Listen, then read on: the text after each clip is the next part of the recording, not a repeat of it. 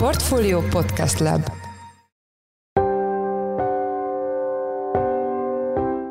Mindenkit üdvözlünk, ez a Checklist, a Portfólió munkanapokon megjelenő podcastje augusztus 26-án pénteken. A mai műsor első részében Paks 2-ről lesz szó, mivel a projekt megkapta a létesítési engedélyt, így hamarosan elindulhatnak az építkezések, de mit szól mindehez az Európai Unió? A jelenlegi kormányzati ígéret, amit minden fronton hallunk, hogy 2030-ra működésbe, termelésbe kell állnia a Paks 2-nek. Na most ez meglehetősen optimista célkitűzés, mert gyakorlatilag ez azt jelenti, hogy 8 év múlva már a hálózatra kellene stabilan termelni a Paks 2-nek. Mindezt úgy, hogy még a gödörásás sem indult el, amely egyébként a gödörásásról szóló részleges engedélynek az egyik bekezdésében benne van tételesen, hogy több évig, akár 3-5 évig is eltarthat. A témával kapcsolatban Beinhardt Attillát, a portfólió makroelemzőjét kérdeztük. Az adás második részében az állampapírpiacsal foglalkozunk, megtudhatjuk, mik azok az intézményi papírok, és hogy melyik az az állampapír, amivel egy év alatt fix 10% kamatot lehet szerezni.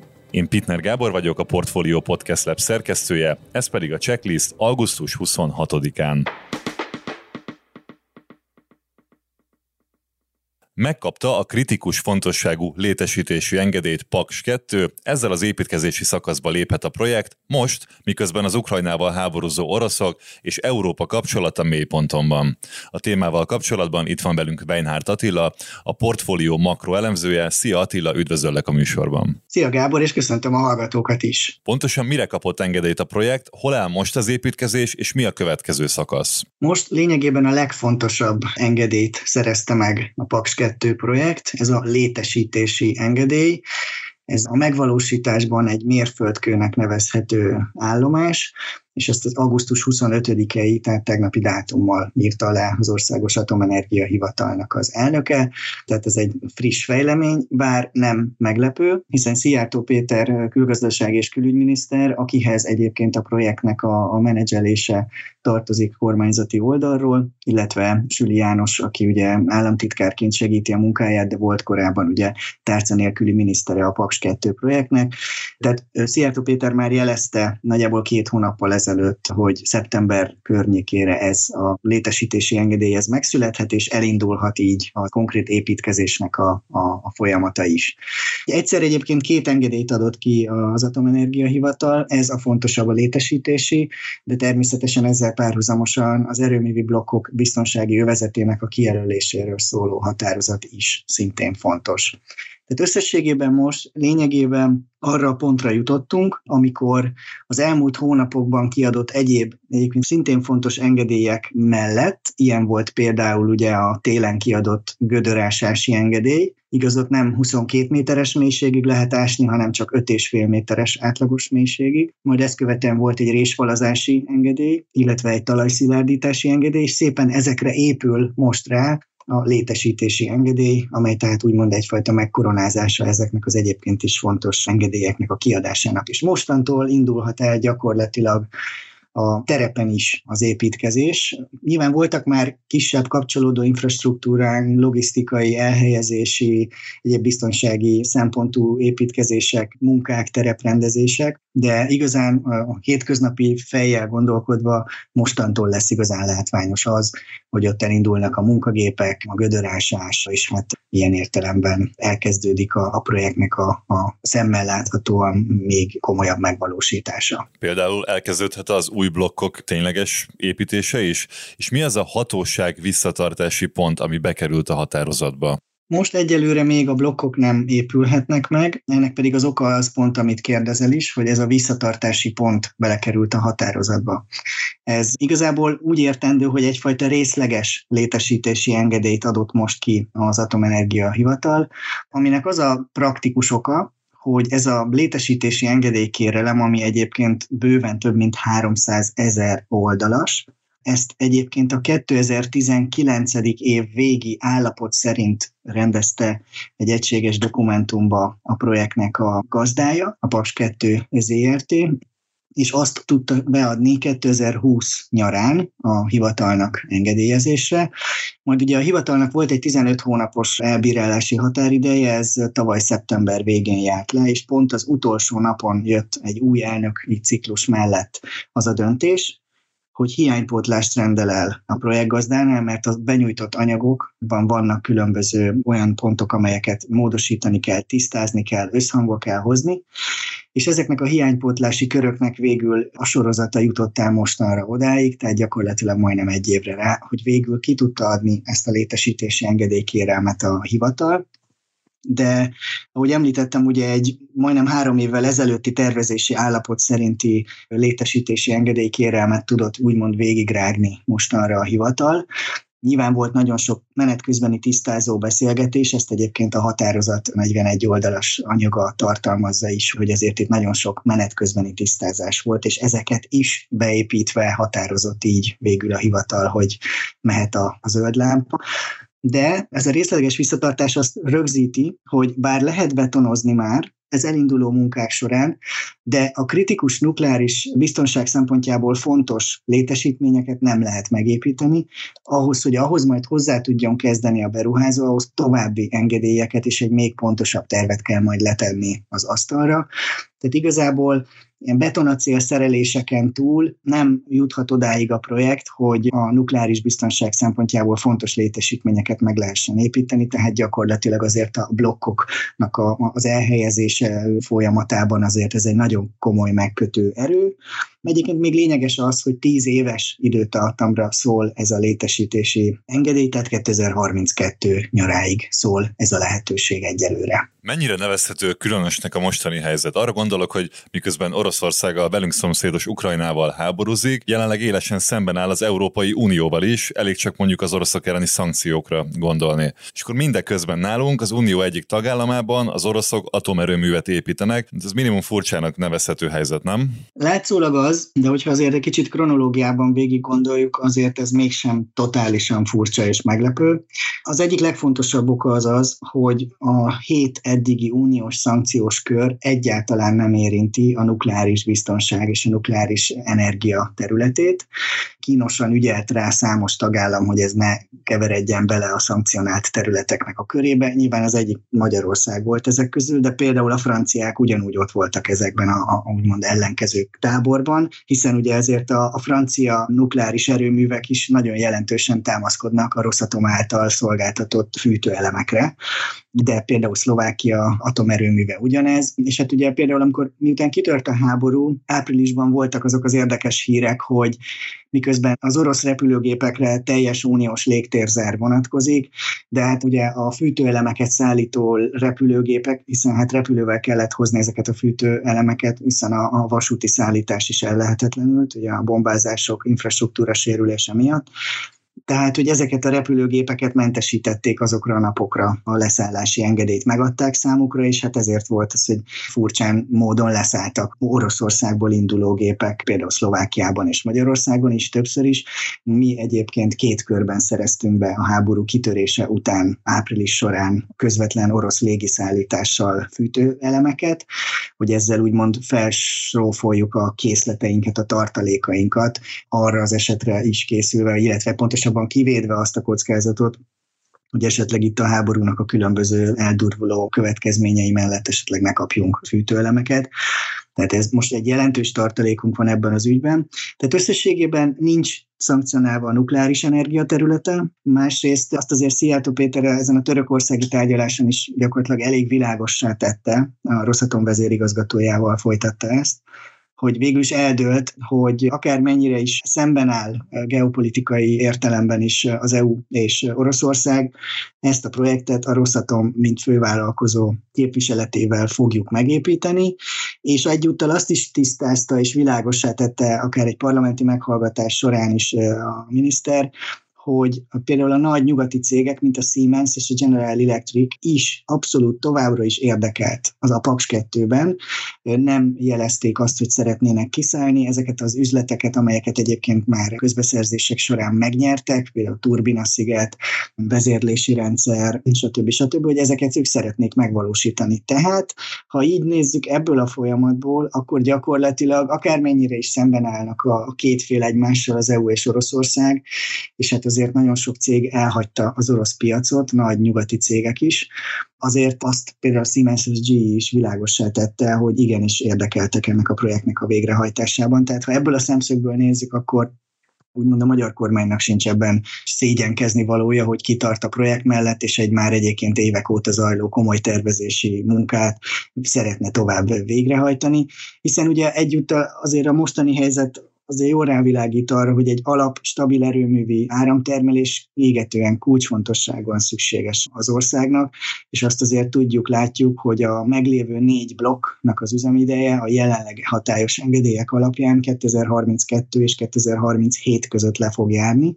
Nyilván most ugye a kormány döntés alapján elindul aznak a vizsgálata, hogy ezt az üzemidőt lehet esetleg 10 vagy 20 évvel kinyújtani, de ez egy menetközbeni vizsgálat, és közben készülni kell arra is, hogy ezért ezek a blokkok majd előbb-utóbb mindenképpen nyugdíjba vonulnak, tehát valami kiváltó kapacitás kell, hogy létezzen majd hosszabb távon, és ennek a folyamatában illeszkedik a Paks 2, azt gondolom, hogy azért a szankciók például pénzügyi szankciók, amelyek akár logisztikai, munkavállalási, kivitelezési nehézségeket okoznak, vagy például a tudomásom szerint azért a bankgarancia vállalásnak is volt egy akadálya, hogy akkor most melyik uniós területen bejegyzett pénzintézet hajlandó bankgaranciát vállalni, egy késlekedő munkavállalásra, stb. stb. Tehát azért számos olyan kérdés van, amelyet menet közben kell, vagy kellett tisztázni, és ezek mind azért abba az irányba mutatnak, hogy bár ez a létesítési engedély most most tíz évre szól, de hogy ezért ezen esetleg túl fog lógni maga a megvalósítás, és ezt részben ez a geopolitikai és szankciós szembenállás is okozhatja majd. Az utolsó kérdésem pont az lett volna, hogy ha az építkezés folytatódik, akkor mikor állhat munkába Paks 2?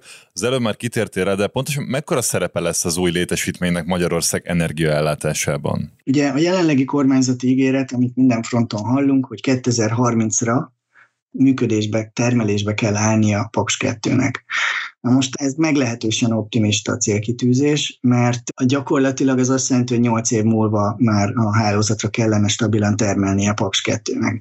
Mindezt úgy, hogy még a gödörásás sem indult el, amely egyébként a gödörásásról szóló részleges engedélynek az egyik bekezdésében benne van tételesen, hogy több évig, akár 3-5 évig is eltarthat mire azt az írdatlan mennyiségű földet kitermelik a Paks 2-nek a helyéről, és azzal párhuzamosan ugye a résfalazási munkálatok is elindulnak. Ennek azért van jelentősége, mert a Paks 2 projekt az közvetlenül a Paks 1 projekt mellé épül, gyakorlatilag a tő szomszédságába, és hát ugye azért ez egy alapvető nukleáris biztonsági kérdés, hogy egy meglévő atomerő mellé építkezni, az csak úgy lehetséges, ha minden létező műszaki, jogi, technológiai szempontból garantálható az, hogy a már meglévő és éppen termelő blokkoknál semmiféle talajmozgás, semmiféle a, a, a talajvíznek a szivárgását megváltoztató beavatkozás ne történjen, tehát hogy gyakorlatilag zavartalan lehessen a második projekt megépítése úgy, hogy az első is termel folyamatosan.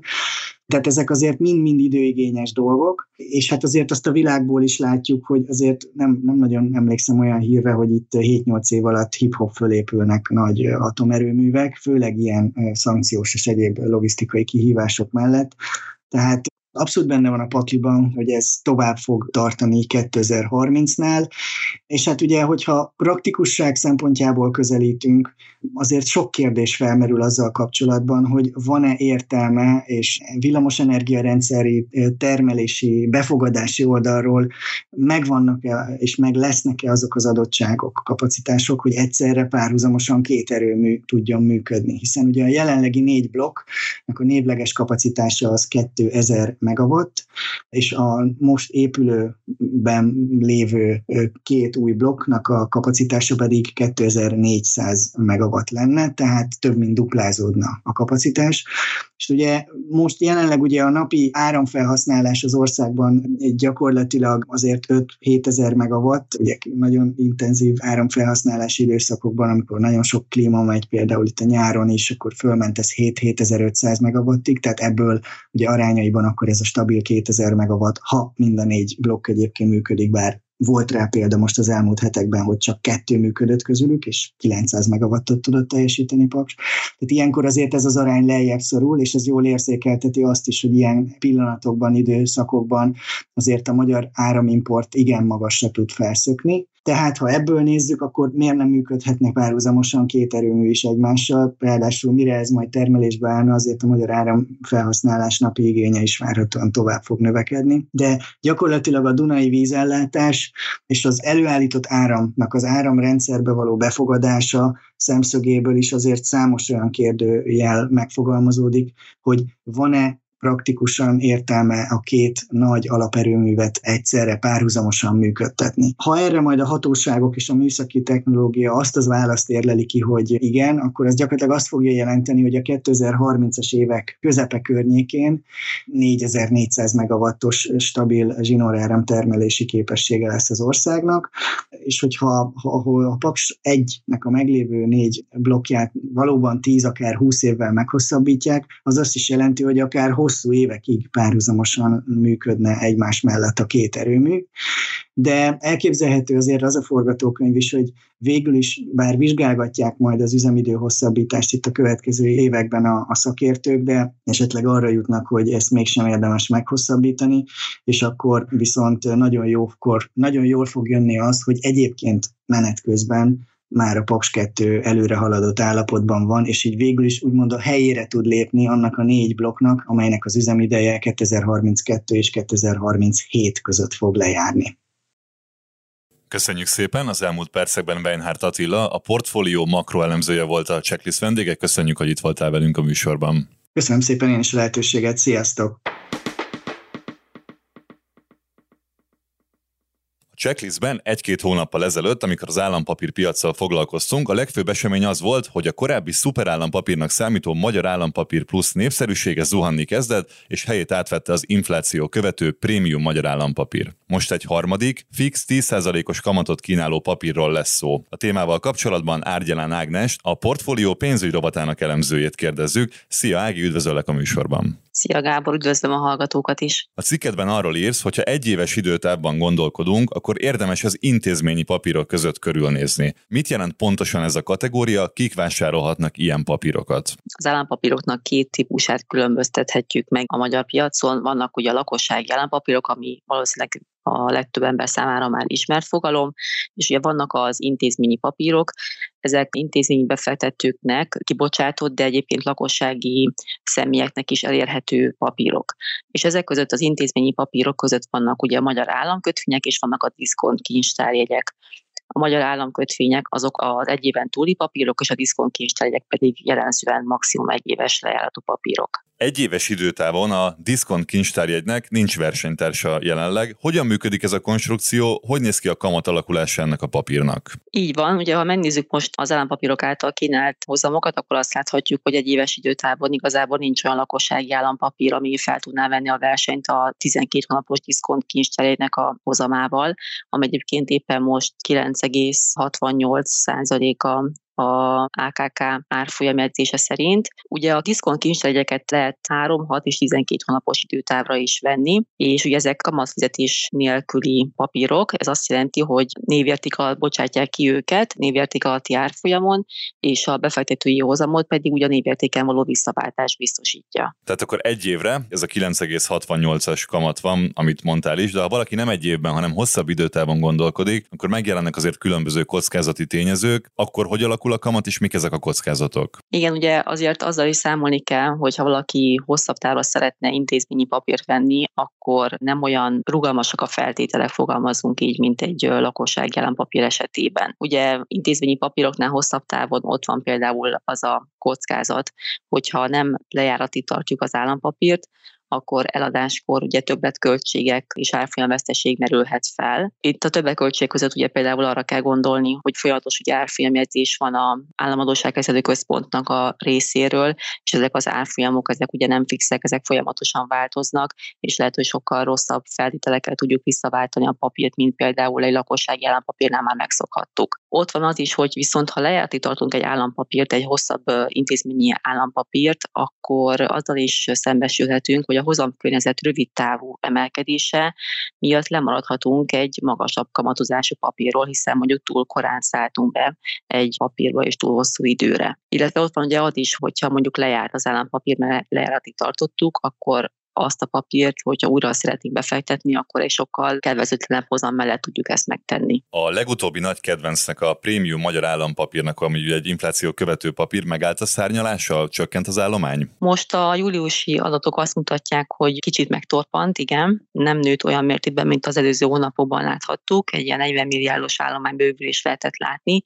ugyanakkor azt hozzá kell tenni, hogy júliusban volt egy elég jelentős lejárat a prémium állampapírban, több mint 160 milliárd forintos lejárat, tehát ha ezt nézzük, akkor végül is ehhez képest továbbra is megy a papírba a pénz, csak ez a lejárat okozta azt, hogy nem volt olyan magas a növekmény, mint amit azt láthattuk az előző hónapokban. Tehát lehet kombinálni a prémium magyar állampapírt és a diszkont kincstárjegyet? Ez hogy érdemes úgy megtenni, hogy megmaradjon ez az infláció követő jelleg, de közben profitáljunk abból a kamatból is, amit a diszkont kincstárjegy tud nyújtani? Ugye, mivel a 12 hónapos diszkont kincstárjegy most elég magas hozamot biztosít, jövő nyáron ugye jár le, jövő augusztusban a, a mostani konstrukció, ez ugye azt is felvetheti, hogy valaki nem prémium állampapírba fektet most, hanem elhalasztja ezt a befektetést egy évvel későbbre, és ebben az egyéves időtávon pedig DK-ét tart. Hogyha ezt tartja, akkor a, a számok azt mutatják, hogy egyébként jobban jár így, hogyha egy éves időtávon megveszi a diszkont kényszereget, és csak a második évtől száll be a prémium állampapírba, mert hogyha mondjuk egy millió forintos befektetést veszünk, akkor már a hatodik év végén egy jóval több mint másfél millió forintos befektetése lesz belőle, míg hogyha csak prémium állampapírt tart, akkor annál kevesebb összeg jön neki. Ugyanakkor itt fontos megemlíteni, hogy ez nagyban függ attól, hogy milyen prémium marad a következő években. Mert hogyha esetleg jövőre az adósságkezelő úgy dönt, hogy a magas infláció miatt levágja a prémium állampapírnak a prémium részét, akkor azért már másabbak lesznek a számok, és a mostani adatok szerint mi azt látjuk, hogy egy legalább 0,9%-os prémium kell ahhoz a prémium állampapír esetében jövőre is, hogy megérje ez a játék, tehát hogy egy évig DK-ba fektetünk, és azt követően fogunk csak átmenni prémium állampapírba. Köszönjük szépen! Az elmúlt percekben Árgyalán Ágnes, a portfólió pénzügyi rovatának elemzője volt a vendégünk. Köszönjük, hogy itt voltál velünk a műsorban. Én is köszönöm.